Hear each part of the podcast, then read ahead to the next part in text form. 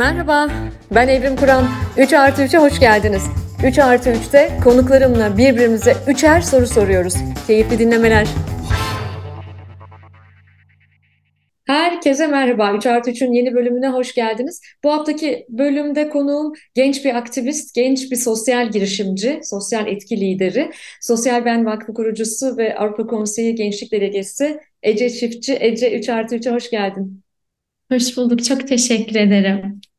Şimdi ben her 3 artı 3'te olduğu gibi sana e, dinleyene seni anlatacağım ve e, zaten seni artık bayağı bir tanıyor insanlar ama bir de bendeki karşılığını anlatacağım ve sonra birbirimize evvelce birbirimizle kesinlikle paylaşmadığımız üçer soru soracağız. Efendim e, genç bir girişimci, genç bir sosyal girişimci dedim. 1993 doğumlu. Ne kadar genç olduğunu hesaplayın. E, ama o kadar uzun bir CV'si var ki bu kadar e, genç yaşına rağmen. E, çünkü çok küçük yaşta e, aktivist olmuş ve aktif vatandaş olma bilincine çok küçük yaşta ermiş biri aslında Ece. 14 yaşına geldiğinde hayallerinin peşinden gitmeye karar veriyor ve yolculuğuna başlıyor. Daha lise yıllarında sosyal sorumluluk e, projelerine ağırlık veriyor ve e, diyor ki sonra ben bunlara biraz resmiyet kazandırayım artık. Lisans eğitimi sırasında 2013'te Sosyal Ben Derneği'ni kuruyor. E, 2015'te sosyoloji lisans eğitimini her zamankinden her e, e, dönemde yapılandan biraz daha kısa bir sürede 3 yılda tamamlıyor. Sonra antropoloji doktorasıyla devam ediyor. Ali oğlum bu yayını dinliyorsan bak bu sosyoloji antropoloji çok önemli bir iş yavrucuğum. Bir kez daha bu vesileyle sana mesaj veriyorum burada. E, 2016'da Ashoka Vakfı'nın düzenlediği Changemaker, X, e, Changemaker Exchange programı kapsamında dünyayı değiştiren seçiliyor. E, yine aynı yıl 2016'da sosyal ve ekonomik faydanın sürdürülebilirliğini sağladığı bütün bu çalışmalarını Sosyal Ben Vakfı çatısı altında topluyor ve e, bir taraftan da tabii arkadaşlar bu çalışmalara sürdürülebilir bir fon kaynağı sağlamak gerekiyor. Bunun için bir de iyiliğe açılan mağaza, Sosyal Ben Store'u ve kurumsal ve bireysel sosyal sorumluluk proje danışmanlığı veren bir akademi olan Sosyal Ben Akademi'yi kuruyor. 2017'de e, G20 ülkeleri dahilinde 18-23 yaş arasındaki genç kadınların ülkelerindeki kadın sorunlarını aktarıp çözümler geliştirdiği 2017 e, Girls 20 diye okuyacağım galiba bunu. Girls 20 G20 yani zirvesinde Türkiye'yi temsil ediyor. 2018'de Amerika Birleşik Devletleri Dışişleri Bakanlığı'ndan gelecek vadeden genç liderler töreninde ödül alan ilk Türk oluyor. Yani daha bitmedi o kadar çok şey var ki anlatacağım sabredin. 2019'da Sorbonne Üniversitesi'nin davetlisi olarak bir sosyal girişimcilik hikayesini anlatırken aynı zamanda öğrencilerle sosyal girişimciliğin ve genç kadın liderliğinin püf noktalarını paylaşıyor. 2020'de gençlerle birlikte gençler için mottosuyla yola çıkarak bir gençlik Kooperatifi kuruyor. Birleşmiş Milletler Çocuk Hakları Sözleşmesi'nin 31. maddesinde tanımlanan çocuğun oyun oynama hakkına erişimini sağlamak, çocukların fiziksel, duygusal ve ruhsal iyi oluşlarını yeni nesil oyun kültürüyle buluşturarak desteklemek amacıyla da Umut Parkı isimli bir proje hayata geçiriyor.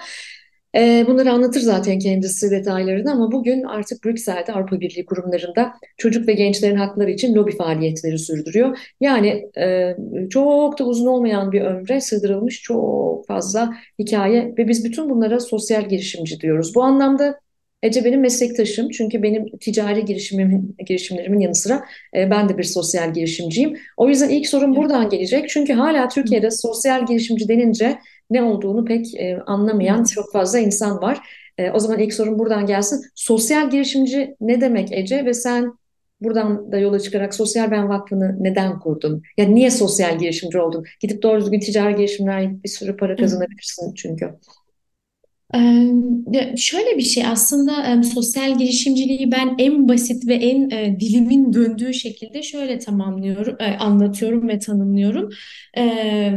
Karını faydaya aktaran yapılar, e, sosyal girişimler. Dolayısıyla aynen bir ticari işletme gibi aslında çalışıyor. İçerideki organizasyon yapısı, e, departmanları, çalışma şekli. Fakat karını bir sosyal faydaya aktarıyor ve bu sosyal faydaya aktarma sürecini de e, şeffaf e, ve paylaşılabilir bir şekilde açıkça paylaşan girişimler. Dolayısıyla bizim güttüğümüz en temel, en dertlendiğimiz şey gerçekten yarattığımız sosyal etkiyi e, etki yaratabilmek. Birincisi bence Türkiye'deki en problem, en temel problemlerden bir tanesi bu. Gerçekten etki yaratıyor muyuz? Bir soru işareti. İkincisi bu etkiyi yarı tabii ki e, akademik şekilde bunun ölçümlenmesi, sunulması ve bu etkiyi ölçükten sonra da bu etkiyi arttırabiliyor olması ve bunu yaparken de aslında kazandığı e, toplumsal ya da e, finansal şeyi yine tekrar bu fayda için aktarabiliyor olması. Ben e, sosyal girişimciliği ve sosyal girişimi bu şekilde aslında tanımlıyorum. Ve ilk sivil toplumla tanıştıktan sonra yani aslında ben 14 yaşında çok bilinçli de olarak sivil toplumla buluşmadım. Ve buluştuktan ve biraz daha bunun adını sanını aslında yaptığımız şeyin adını sanını koyarken bir diğer taraftan da savunduğumuz kadar eleştirebiliyor olmamız gerektiğini ben düşünüyorum. O zaman objektif bakabiliyoruz. Diğer türlü ucu bucağı olmayan bir fanatizm ve devamlı bir savunma, devamlı bir ama öylesi de var, ama bir dakika bir de burası da var dediğimiz böyle kendimizi savunduğu gereksiz yere bence de e, savunduğumuz bir söylemin içinde buluyoruz. E, ve dolayısıyla benim sosyal girişimcilikle tanıştığım zaman da tam sivil toplumu korkunç eleştirdiğim e, ve hatta benim burada ne işim var diye e, böyle dönüp baktım. Bakarken de kendi cevaplarımı aradığım bir yerde ben sosyal girişimcilikle tanıştım. E, bir finansal anlamda çok ciddi zaten sivil toplum dışa bağımlı bir yapı baktığınız zaman. E, yani sponsoru ve bağışçısı varsa faydasının olduğunu söyler sivil toplum mekanizması gereği. E, ama sosyal girişimcilik bunun çok daha hatta bizim levellandırdığımız işte bu üçüncü, dördüncü dördüncü sektörün olduğu e, hatta etki yatırımcılığı ile birlikte artık bunun daha e, nasıl diyeyim daha bir e, bir piyasa tırnak içindeki bir etki piyasası olduğu bir düzendeyiz. E, ve dolayısıyla da sosyal girişimcilikle buluşmamın sebebi bir bağımsız olması, bir koşula bağlı olmadan kendini devam ettirebiliyor olması. İkincisi finansal anlamda çok ciddi bir özgürlük alanı yaratıyor olması. E, ve üçüncüsü de bu özgürlük alanları her iki süreçte de beraberinde de bir eleştiriyi getirir ve eleştiride her zaman gelişimi e, doğurur. E, dolayısıyla ben de e, sosyal girişimciliğe kolları e, bir taraftan sıvadım ama tabii ilk duvara toslamam orada oldu. Çünkü Türkiye'de Türkiye iyi bir pazar bu arada. Yani birçok kaynağa baktığınız zaman sosyal girişimcilik anlamında hem genç potansiyeli anlamında hem sorun mozaiği anlamında, sorun çeşitliliği anlamında hem de bunlara çözüm önerileri anlamında iyi bir mozaik e, ve iyi bir potansiyel. E, fakat tüzel kişiliğinin olmaması zaten bu alanda ilerleyecek e, ve ilerlemek isteyen gençler ve kişiler için de çok ciddi bir ket vuruyor. Çünkü yapı sizi ya bir sivil toplum örgütü olmayan ya da bir e, ticari işletme olmaya götürüyor. İşte sosyal girişimcilik tam da bunun arasında. E, ve ben de Sosyal Ben Vakfı'na e, iki e, alt markasını kurdum ki bunlardan aslında e, Sosyal Ben Akademi'dir bütün sosyal girişimcilik e, süreçlerini üstlenen e, ve e, bunu kurup e, akademi üstünden Sosyal Ben Akademi karının yüzde 45'ini Sosyal Ben Vakfı'na aktarır ve Sosyal Ben Vakfı da çocukların nitelikli eğitime erişmesi için e, çalışır. Sosyal Ben Akademi'de gönül özgürlük oranını Türkiye'de öğretilen bir sorumluluk olarak e, yaygınlaştırmayı e, ve bu yaygınlaştırma modeli üstünden de vakfı desteklediği bir aslında süreci var. E, ama benim tamamen e, sosyal bendeki bu yapıyı kurmamın sebebi e, birincisi sivil toplumu çok ciddi eleştirdiğim bir yerde benim için çok iyi bir çıkış noktası oldu, bir nefes oldu. İkincisi de tamamen kendi ayaklarınızın üstünde durduğunuz, e, sponsorunuzu da filtreleyip ölç ölçeklendirdiğiniz bir yer. E, onu da aynı zamanda bu arada geliştirdiğiniz bir yer sosyal girişimcilik. Ki kaldı ki son bir buçuk yıldır e, bir Brüksel yolculuğuyla da birlikte artık yapıyı biraz daha sosyal yatırıma, etki yatırımcılığına hazırladığımız bir yolculuktayız. Ama sosyal girişimcilik e, benim aslında nefes aldığım e, ve nefes alırken de bu nefesimi sürdürülebilir kıldığım. Ya sen de bu işlerden nereden para kazanıyorsun diye e, sordukları zaman oturup sosyal girişimciliği de anlattığım e, bir e, kanal ve alan. E, tabii ki bundan para kazanacağız ki uzmanlık alanımızı ve kendimizi var edeceğiz, etkimizi arttıracağız. Ve bunun da adı sosyal girişimcilik. Tam e, soruyu ağzımdan aldın. Ben de sana e, para kazanıyor musunuz, nasıl para kazanıyorsunuz diyecektim. E, para kazanıyorsunuz. Yani sosyal girişimlerden para kazanılıyor ama kar maksimizasyonu değil, fayda maksimizasyonunu daha Aynen ziyade hedefliyor sosyal girişimler. E, biraz daha bu detayları konuşacağız. İlerleyen sorularım da var ama e, ben de senin gibi düşünüyordum. Ben de o yüzden sosyal girişimci oldum. Çünkü SDK'lar e, lütfen bana kızmasınlar ama çoğunlukla beni öfkelendiriyordu. Hala çok desteklediğim ve içinde e, aktif olmaya çalıştığım her şeye rağmen STK'lar var ama e, bir e, bir sosyal etki e, ajan ajanı olmaktansa sanki daha çok bir buluşalım, sohbet edelim, birbirimizin doğum gününü kutlayalım etkinliğine dönüşen STK'lar da benim canımı sıktığı için ben de bu motivasyona sosyal girişimci oldum. Ez cümle eleştirmek en büyük insan hakkımız e, ve daha iyisini yapabileceğimizi de gösterebilmek ödevimiz. Yani oturduğumuz yerde sadece eleştirmiyoruz ve ilk soru sırası şimdi sende. Ben aslında Şimdi bu sosyal girişimcilik meselesiyle birlikte ve yolculuğum boyunca da e, tabii ki buradaki havuza baktığımız zaman en çok demografiyi gençlerde görüyoruz. Yani e, ve gençlerin inanılmaz bir, bu arada e, Türkiye bazında da aynı zamanda e, dünyaya da baktığımız zaman yani çok ciddi böyle işte ben 93'lüyüm ama böyle bir kanımızın kaynadığı, böyle içeride bir şeylerin fokurdadığı ve bu fokurdarken de de bunu gerçekten iyiliğe dönüştürmek istediğimiz çok fazla yolculuk var. Burada işte jenerasyonlar boyu e, bu iyiliğe dönüştürme yolculuğunda başımıza gelenler var. E, bir böyle sessiz kaldığımız dönemler var ve tekrar alevlenen dönemler var. Tam da bu noktada e, benim e, sosyal girişimcilik ekosisteminden ve gençleri de bu işin içine böyle dahil ettiğim zaman e, e biraz önce de onu söyledim ya yani hani eleştirmek de bu işin e, bir geliştirmek içinki olan parçalarından bir tanesi. Dolayısıyla e, gönüllülük ve bu işlerde olan kişilerin e, hep pohpohlandığını biz görüyoruz. Yani bir kahraman e, tırnak içindeki e, bir kurtarıcı e, adı altında e, buna ben de maruz kaldığım için e, kendi üstümden anlatarak da söyleyeyim.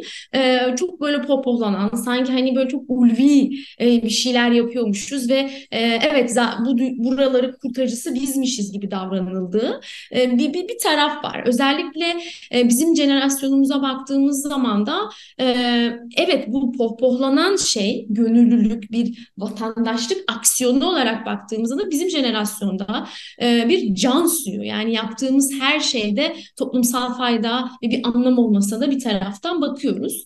E, ama tabii ki bu gönüllülüğün pohpohlanmanın ötesinde de çok ciddi eleştirileri de var literatüre baktığımız zaman.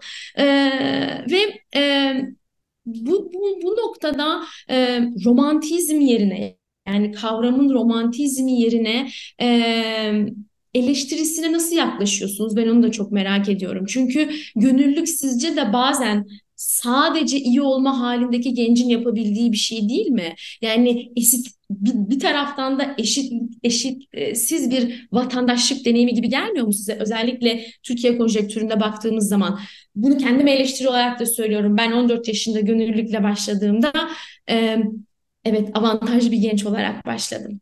E, dolayısıyla gönüllülük bugünün bugün baktığımız zaman geçmişin felsefe yapanları gibi e, düşünebilir miyiz? Bunun eleştirel kısmına nasıl baktığınızı e, hem jenerasyonel anlamda hem de bir sosyal girişimci olarak merak ediyorum.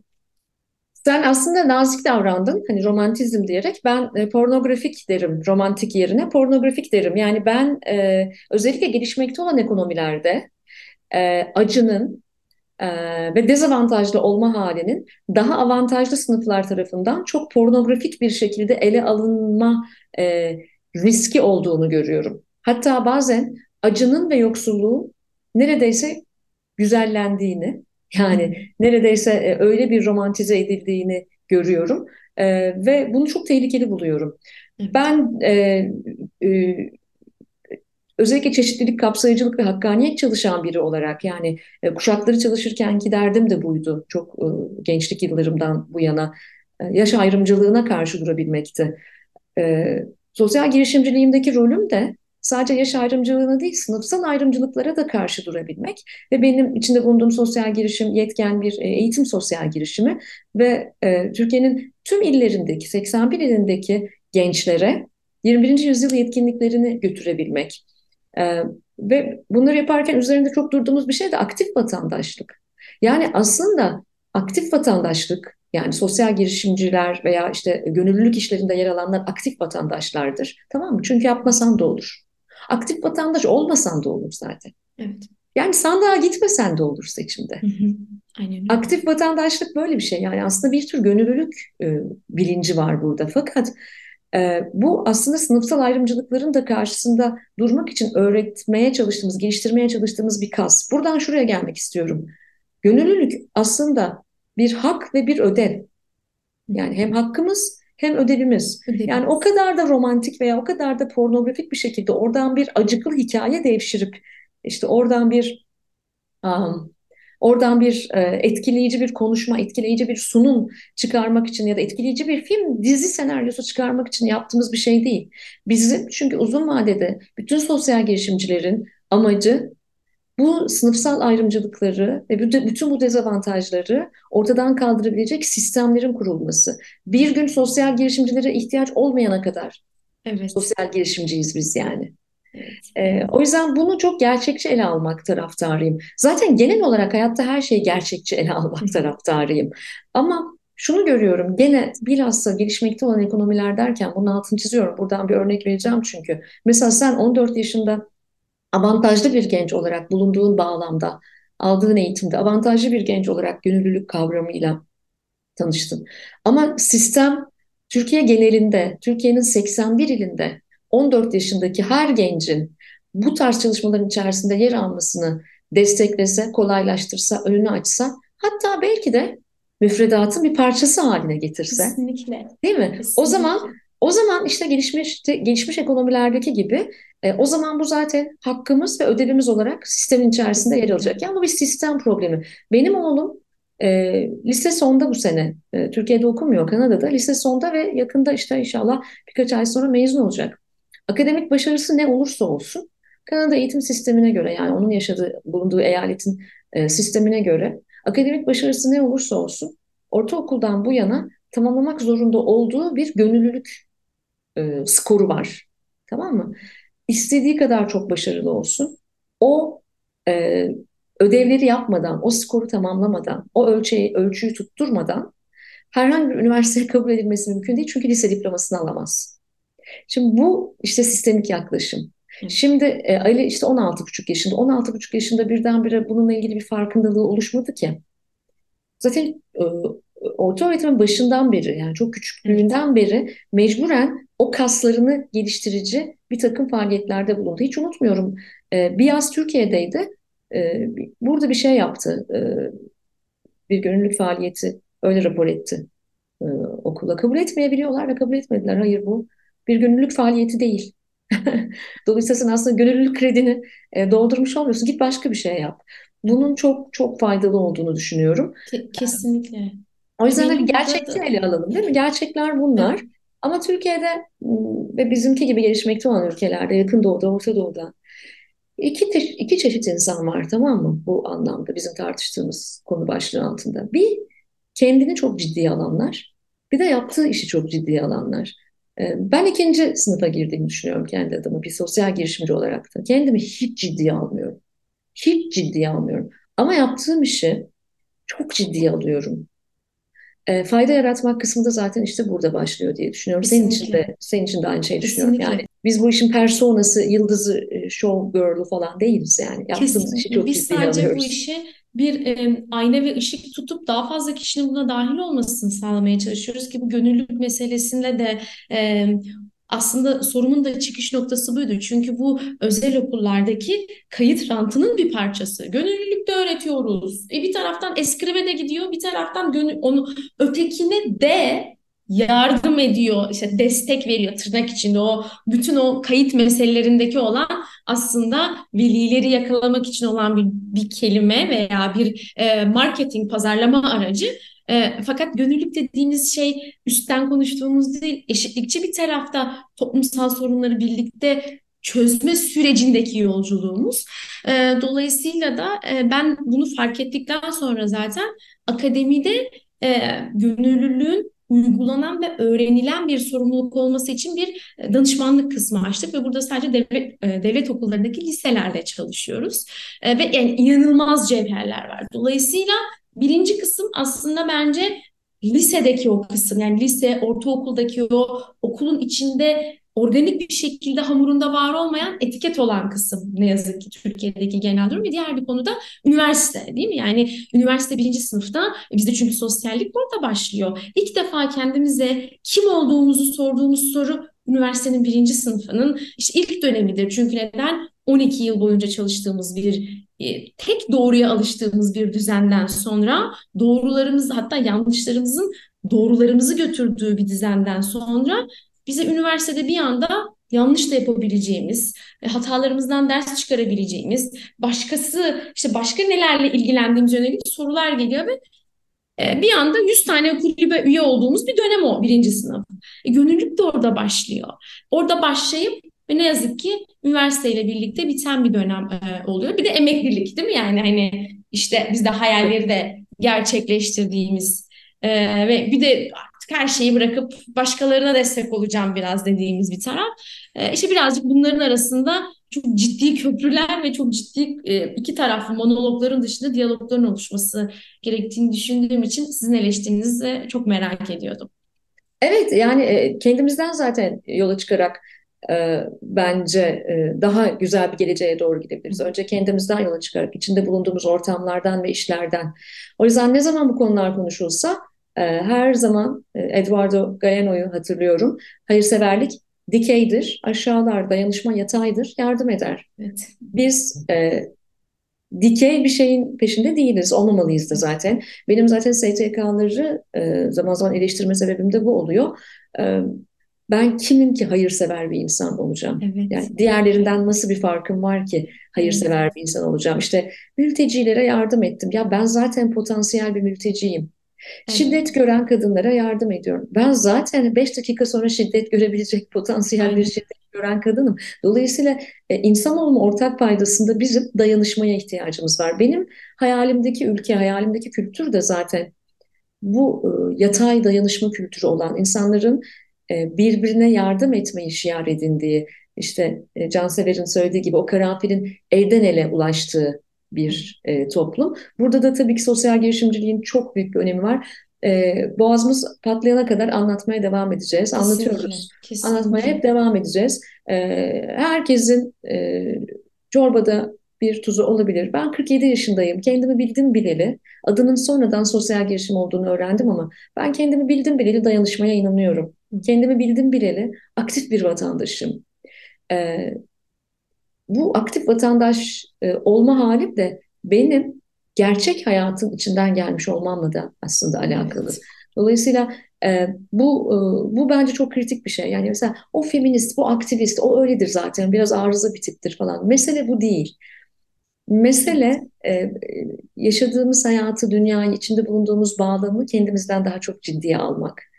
Ve bu dünyada olumlu bir iz bırakabilmek. Bir de havayı da koklayabilmek. Yani kokladığımız havadaki pozisyonlandığımız yere hem kuş bakışı hem içer, içerisinden en en içinden bakabiliyor olmak bence bir taraftan da.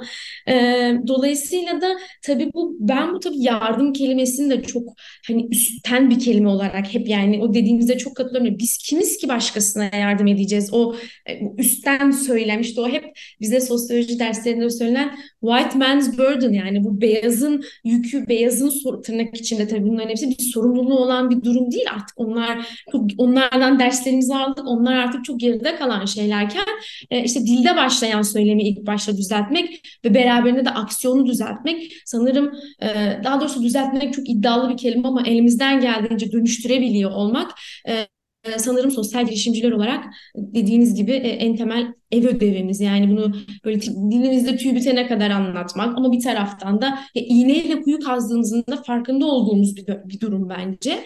Ee, o yüzden de hani hep böyle değişim demekten e, korkuyorum. Değişim çok köklü bir kelime. Ee, o yüzden de dönüştürebilmek, dönüştürmekle işe başlamak, sonra değişime kapı açılıyorsa ne mutlu.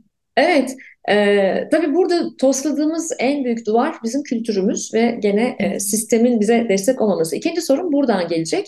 Ee, bunu biz hem kendi gençlik araştırmalarımızda sıklıkla tespit ediyoruz Türkiye'ye dair hem de dünyada yapılan araştırmalar da ortaya koyuyor. Mesela e, Charities Aid Foundation'ın yayınladığı bir Dünya Bağışçılık Endeksi var biliyorsun. Orada evet. Türkiye'nin karnesi pek iyi değil. Gönüllü faaliyetlere katılım süresi açısından 135 ülke arasında 132.yiz biz. Mesela yüzde onu halkımızın para bağışı yapıyor, yüzde dördü gönüllü faaliyetlere katılıyor. Bu toplam demografik yapımız için geçerli ama bizim özellikle genç nesillerle, üniversite öğrencileriyle, lise öğrencileriyle yaptığımız çalışmalarda da gönüllülük çalışmaları, gönüllü bir faaliyetin içerisinde yer alma oranı çok düşük. Bunun sebebini tartışmaya gerek bile yok. Çünkü sistem Önce onu lise sınavına hazırlıyor, sonra üniversite sınavına hazırlıyor. Çok rekabetçi ve tabii ki gönüllülük çalışmalarının içindeyse de çocuk sınav hazırlandığı dönemde bunu ara vermek zorunda kalıyor. Böyle bir böyle bir tuhaflık var. Değil ne mi? yazık ki.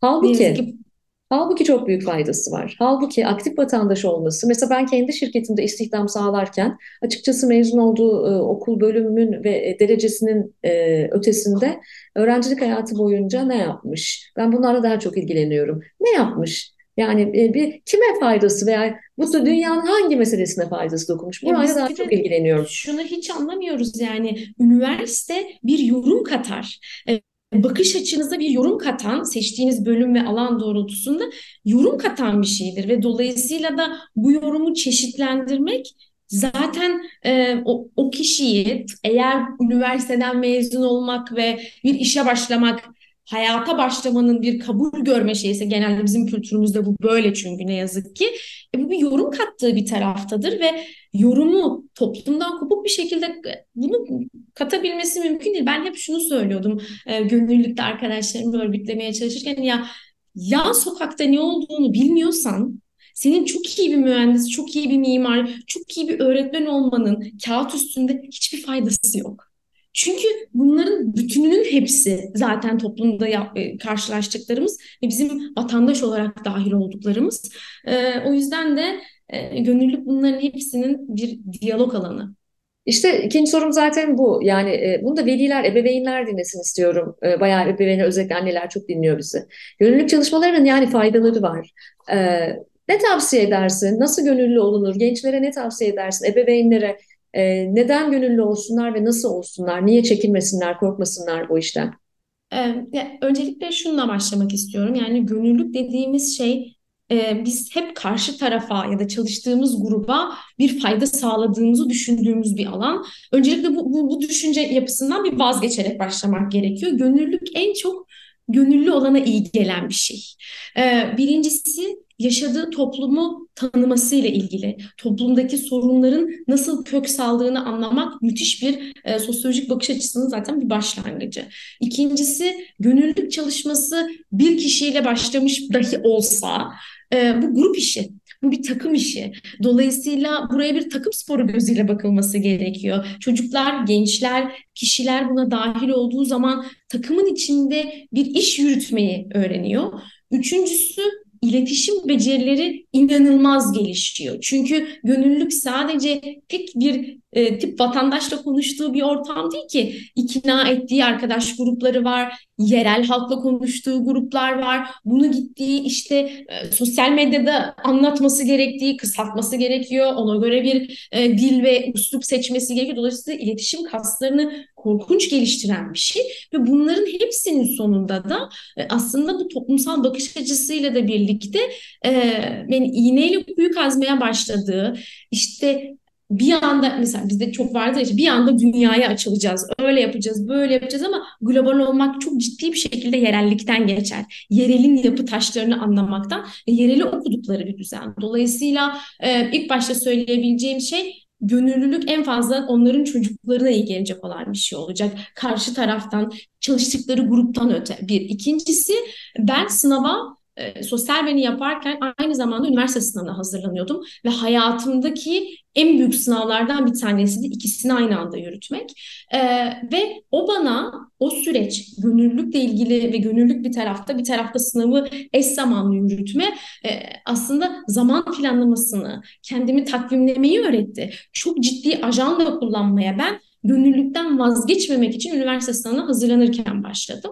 E, ve bunların hepsinin dışında da çok ciddi bir stres yönetimini de sağlıyor. Yani aslında her gönüllülük projesi öncesi, sırası ve sonrası olmak üzere üç hazırlık etabından geçiyor. E, sınava da böyle hazırlanmıyor mu zaten gençler? Hani bir anda bir gecede hiç kimse bir sınava hazırlanmıyordur. Hiçbir şey yetiş yani hiçbir şey bir gecede zaten olmuyor. E, dolayısıyla böyle baktığınız zaman belki de hiçbir disiplinin öğretemediği e, bu kadar beceriyi e, bir vatandaşlık ekolü, bir gönüllülük e, öğretiyor. Dolayısıyla bu bir boş zaman aktivitesi tırnak içinde değil. Bu bir onları yap sonra bunu yaparsın e, değil. Önce bunları bitir e, işte önce bir e, cebinde ekonomik olarak dolsun ondan sonra zaten bak başkasına bir sürü bir sürü yardımlar yaparsın destekler sağlarsın gönüllü olursun meselesinin e, asla asla değil. E, o yüzden bunları bir kere bilerek başlamak gerekiyor bence. İkincisi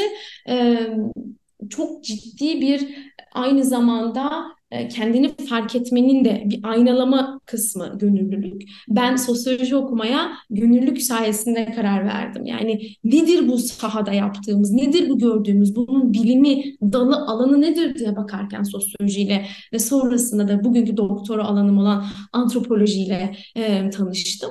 E, dolayısıyla e, bu birazcık e, kişinin kendi gelişim sürecindeki bir takım arkadaşı. Gönüllüye böyle bakmak gerektiğini düşünüyorum. Ve bunun içinde inanın cebinizin dolmasına, e, belli kendinize koyduğunuz bölümlerin ve seviyelerin tamamlanmasına inanın hiç gerek yok. Ee, ben böyle düşünüyorum. Ee, ve zaten birlikte çalıştığımız liseli gençler, gönüllülük derslerinde buluştuğumuz liseli gençlerin de velilerinin ilk baştaki endişesi ya Ece bak derslerden geri kalacaklar derken uygulamayla birlikte çocuktaki o e, dönüşüme şahit e, oldukça tüketim kültürünü bir parça da olsa azaltsa da e, kökten tabii ki çözmüyor ama bir parça dengeliyor da olsa e, o dönüşümü gördükten sonra velilerin yumuşadığını e, görüyorum. Ama buna izin vermek gerekiyor. Ve bir anda da mesela şuna da çok karşıyım. İşte gönüllülük projesini ilk proje ya da ilk çalışma, ilk deneyim olarak kalkıp böyle kıtaları değiştirmeye, işte ülkeleri değiştirmeye gerek yok apartmanınızdan başlayabilirsiniz. E, ben pandemi zamanı da aynısını söylüyordum. İşte nasıl başlayabiliriz? Yani apartmanından, dairenin içinden başlayabilirsin. İşte çöpleri ayrıştırarak kendi içinde başlayabilirsin. İşte e, hayvanlara mama kaplarını, mama süreçlerini, yemeklerini kendi el becerinle yaparak başlayabilirsin apartmanından, mahallenden başlayabilirsin. E, illa ülkeler, şehirler, kıtalar değiştirmenize bunun için inanın hiç gerek yok.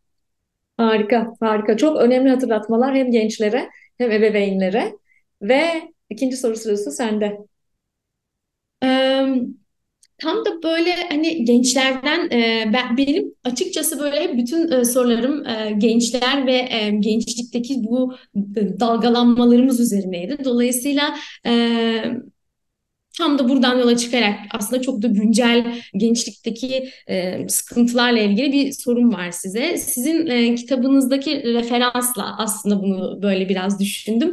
E, İbni Haldun'dan bir alıntı yaparak aslında kuşak zamanın ruhudur diyorsunuz. Öyle bir e, kısım var ve bugün dünyanın da durumuna baktığımız zaman e, sizce her genç aynı kuşağın gerekliliklerini, özelliklerini ya da sorumluluklarını, yükümlülüklerini mi yaşıyor ve taşıyor? Yani e, zamanın ruhu o kadar hızlı ve o kadar değişken ki bugün e, Orta Doğu'ya şu an mesela baktığımız zaman e, neredeyse bir üçüncü dünya savaşı var ve oradaki gençler aslında sizce aynı kuşak mı? Yani aynı şeyleri mi yaşıyorlar? İşte biraz daha hani bana böyle bir sessiz kuşağın doğum evresi mi acaba oradaki süreç? E, ya da işte bir savaş kuşağı olarak e, adlandırmak ya da adlandırmamız e, gerekirse ya da işte e, dünyanın bambaşka yerindeki gençler bulundukları aslında ekonomik, sosyal ve çevresel şartlardan dolayı bugünün Z jenerasyonunu mu yaşıyor?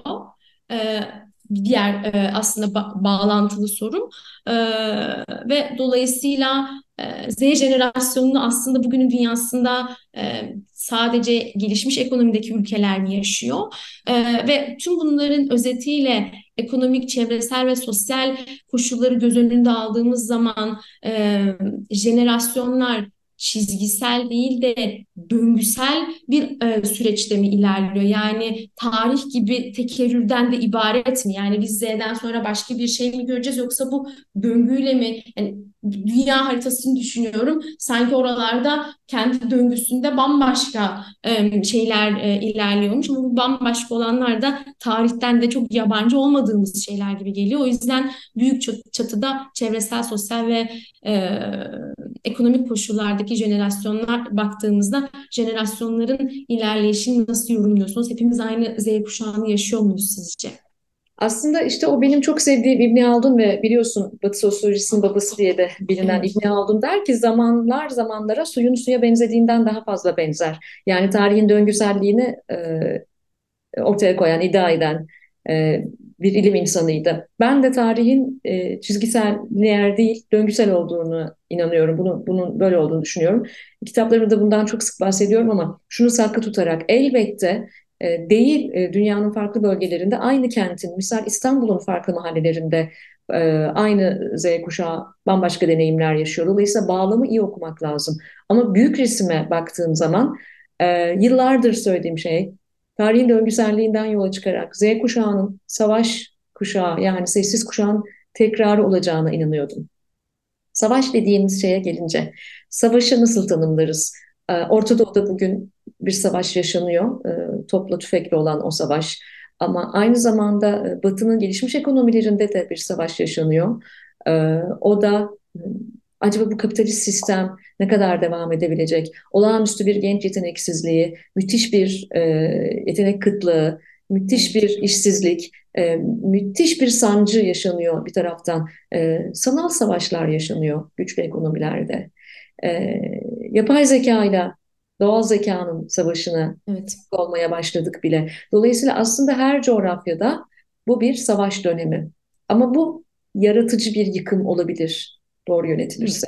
Yani aslında bu bir Z kuşağının içine doğduğu dönem ki biz ona artist dönemi deriz tarihin döngüselliğinde.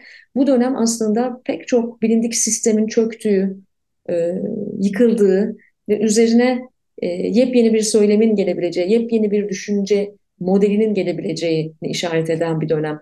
Şimdi e, bir taraftan da yani bunu saklı tutarak yani bu döngüselliğe inanıyorum ama e, bir taraftan da mesela çok farklı sosyoekonomik seviyelerde Z kuşaklarıyla araştırma yaptım. E, ikinci kitabımı da oradan yazmıştım. Orada benim çok dikkatimi çeken bir şey vardı. Bu hikayeyi anlatıyorum fırsat, fırsat buldukça çünkü çok önemli olduğunu düşünüyorum. Biz kalitatif yaparız genelde araştırmaları. Yani sadece kantitatif yapmayız. Ne anlatıyor bu çocuklar, nasıl e, metaforlar kullanıyorlar diye. E, İstanbul, İzmir ve Ankara'nın çok yoksul ve çok zengin semtlerinde bir araştırma yaptık Z kuşağıyla. Tamamı liseli öğrencilerle. Bundan birkaç sene önce. Ve e, bir sürü şeyler sorduk falan ama beni en etkileyen sorulardan biri şuydu. Türkiye'de yaşamayı ya da Türkiye'de yaşarken kendini neye benzetirsin? Mesela her ikisi de kuşa benzetti. Ama biri kanadı kırık kuşa, biri kafesteki kuşa. E, bu bile aslında kuşağın ne kadar e, ortak bir paydada Doğru. buluştuğunu gösteriyor tamam mı? Yani aslında çok ortak bir meseleleri olduğunu. Aslında ne kadar büyük bir özgürlük, kendini ifade etme, bulunduğu bağlamdan çıkma, Bulunduğu mahalleden veya bulunduğu ülkeden. Ama bulunduğu bağlamdan e, çıkıp özgürleşebilmeyle ilgili ne kadar büyük bir e, ihtiyacı olduğunu anlatıyor bu. Dolayısıyla ben e, genelde şuna bakıyorum. Oyuncakları farklı. E, ve kutupların arası da Türkiye'de gitgide açılıyor zaten. Oyuncakları açılıyor. farklı ama bir yandan meseleleri, e, en üstteki meseleleri, küresel meseleleri ve ulusal meseleleri çok benziyor, çok aynı. E, çok bıkmış bir kuşak görüyorum.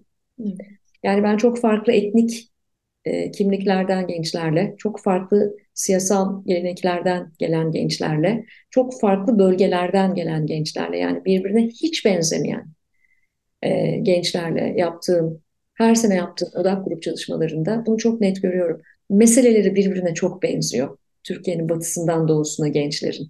Bunu iyi okumak lazım. E, ama tabii ki her bireyin biricik olduğunu, her bölgenin kendine has e, fırsat alanları olduğuna ve e, krizler yaşadığına tabii ki e, saygı duyarak bunu mutlaka bir köşeye yazarak e, jenerasyonel sistem çalışmaları bize şunu söylüyor. Aslında geçmişi iyi anlarsan ve özümsersen belki gelecekte daha iyi bir iz bırakabilirsin. O yüzden ben bir fütürist değilim. Ben evet. herkesi geçmişine, özellikle yakın geçmişine, Cumhuriyet tarihine, Cumhuriyet tarihi öncesi döneme, yani toplumsal belleğe sahip çıkmaya çağırıyorum.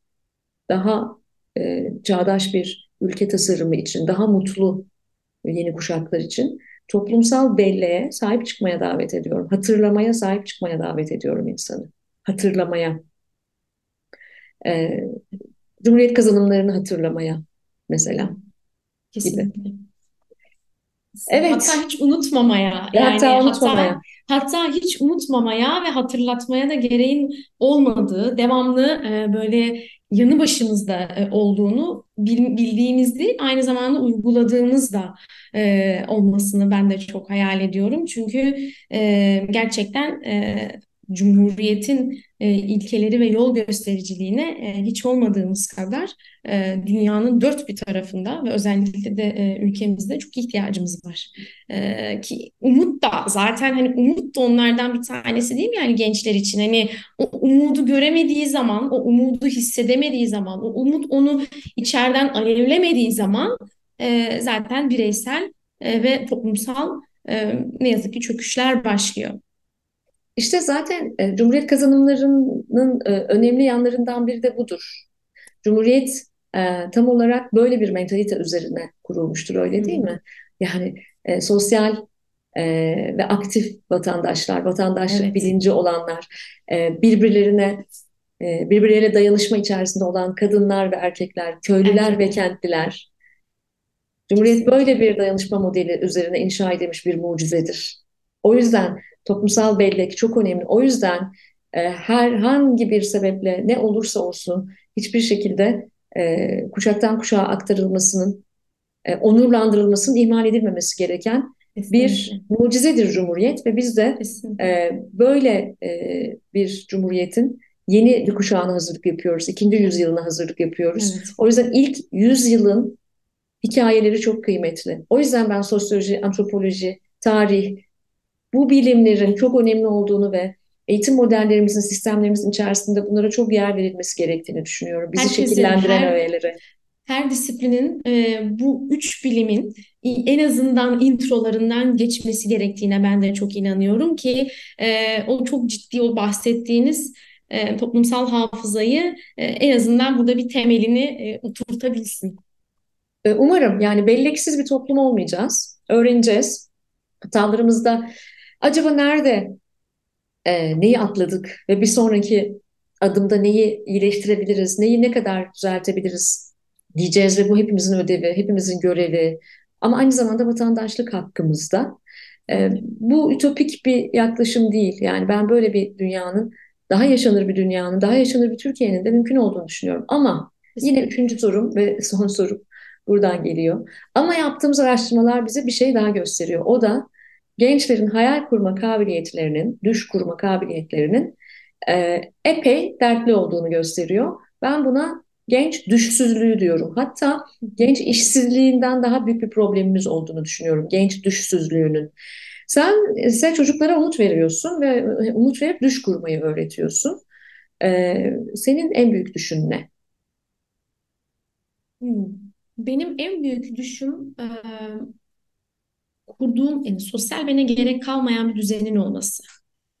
E, çünkü bu olduğu zaman demektir ki yani zaten çocukların yetenek ve yetkinliklerini keşfedebildiği, bunlara erişip ulaşabildiği bir e, doğal düzenin olduğu e, ve bu doğal düzeninde onları kariyer planlamalarında e, eşitlikçi bir e, yere getirdiği, bir yerden kastım bir kariyer yükselmesi değil, var olmalarına yönelik olan e, kısımlarda onları tatmin edecek bir yere getirdiğini hayal ediyorum. Dolayısıyla da bunun içinde sosyal bene ihtiyaç ve gereğin olmaması gerektiğini düşünüyorum.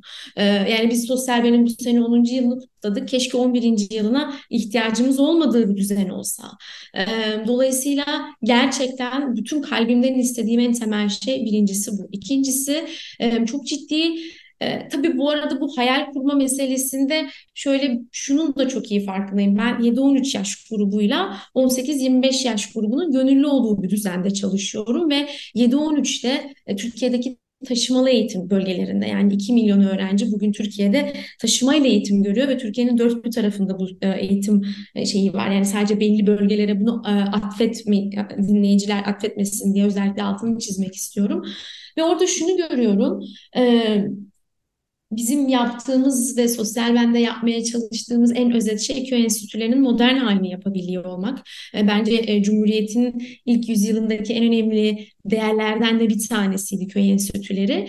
E, ve dolayısıyla köy enstitülerinin modern halini yaparken, yapmaya çalışırken de en temelde gördüğüm şöyle bir kısım var çocuklar en yaratıcı olanlar, en dürüst olanlar ve e, aslında e, en böyle gözlerinin içi öğrenmeye umut dolu, sevgi dolu olan grupken biz arada ne yapıyoruz da bu, bu bütün bu verimliliğin maksimum olduğu bir yerde bunu e, işte okuduğunu anlamayan, hayal kurmak istemeyen ve hayal kurmanın kendisinden korkan çünkü bunda bir gelecek görmeyen, e, ifade kendini ifade etmeyi istemeyen, bundan korkan, çekinen e, bir vatandaş profiline, hatta bu vatandaş profilinde ötekine fiziksel, sözlü ve dijital zarar verme gücünü de kendinde görebilecek bir insansıya bir cisme dönüştürüyoruz. E burada tabii belirli yaptık yani yaptıklarımız ortada ama bu o kadar başarılı ki e, bu bu tırnak içinde bir başarılıktan bahsediyorum. Bunun yanında ve karşısında nasıl aksiyon almamız e, gerektiğine yönelik hep aklımda bir şeyler e, böyle bir taraftan da dönüyor. Tabii ki tek başına sosyal ben, tek başına sivil toplum, tek başına e, sosyal girişimcilik burada asla yeterli değil. E, dolayısıyla e, bu böyle bir taraftan da aklımın en çok e, kurcaladığı şeylerden bir tanesi. Müthiş bir cevheri biz bambaşka e, bir noktaya ne yazık ki e, getiriyoruz. E, ya bunu yetişkinler olarak değil, bunu bence işte eğitim sisteminin kendisi, e, toplumsal yozlaşmanın içinde bulundurduğu o aksiyonlar her nelerse en çok üzüldüğüm şeylerden bir tanesi bu. Yani inanılmaz cevherleri var, inanılmaz bence yaratıcılıkları var çocukların ve bir süre sonra o işte yanlış yapmaktan korkutma, tek doğru üstünden ilerletme bu noktaya getiriyor. Ee, ama ben e, Eflatun'un bir lafı var, e, onu çok seviyorum ve şunu söylüyor, yani gökteki bütün yıldızlar kararsa da e, orada her zaman e, parlamaya devam eden bir yıldız vardır ve o da umut yıldızıdır diyor. Dolayısıyla benim hayalimdeki tutunduğum en temel şey bu umut yıldızı.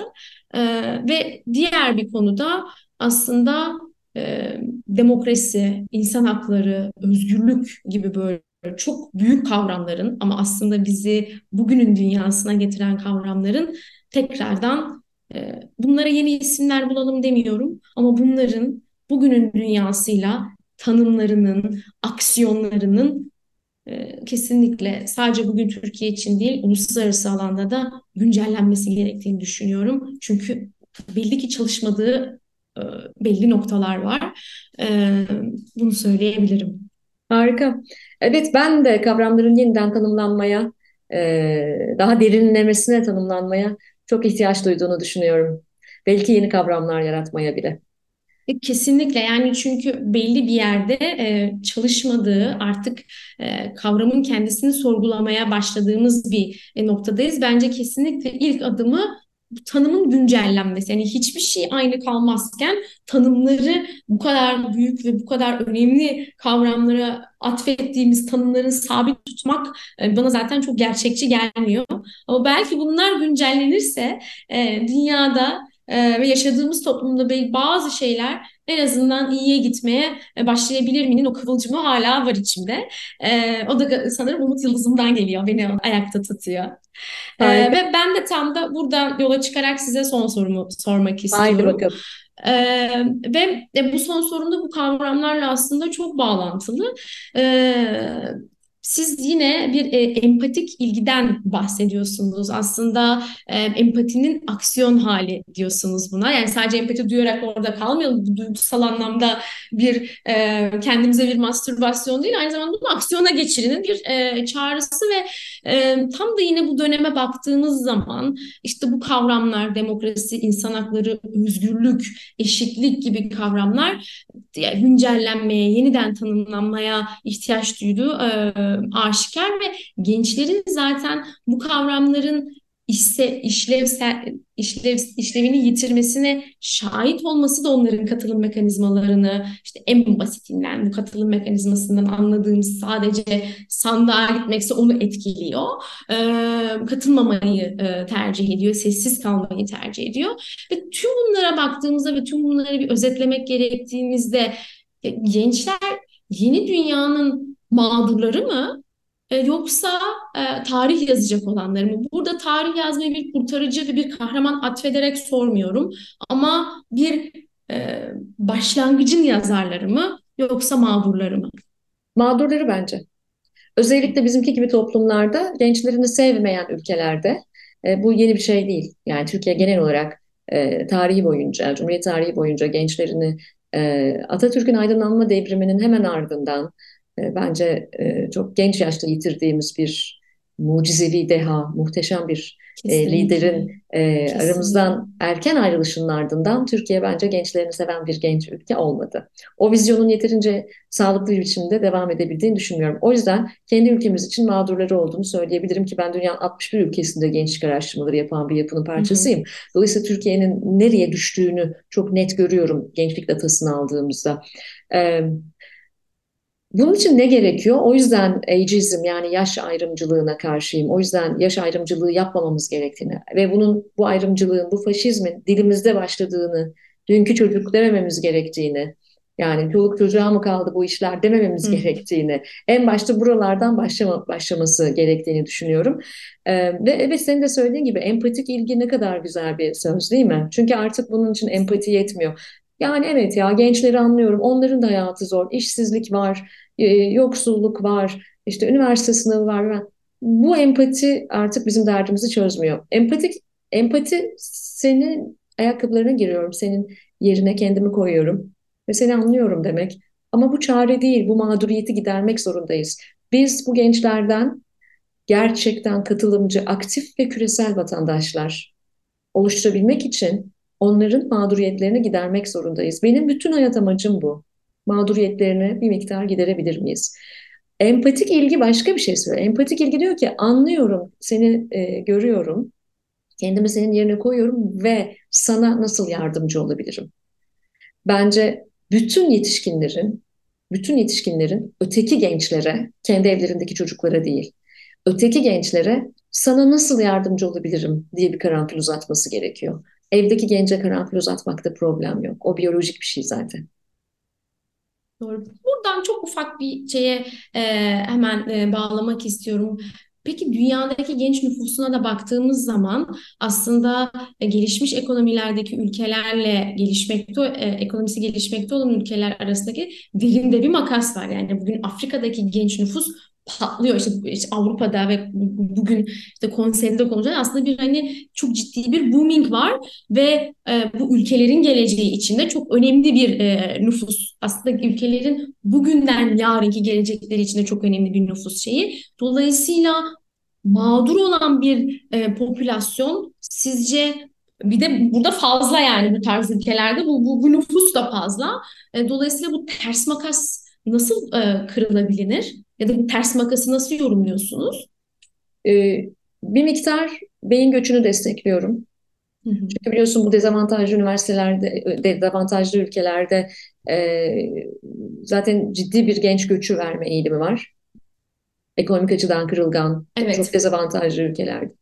Tıpkı Cumhuriyet'in ilk yıllarında olduğu gibi, e, oradaki modeldeki gibi bu insanların da gidip, bu gençlerin de gidip e, yeni iş modelleri, çağa yakışır bilimsel düşünce biçimleri öğrenip, geliştirip, e, bütün bu yaşamsal bilgilerini ve yeni kariyerlerini ülkelerine taşımaları gerektiğini düşünüyorum.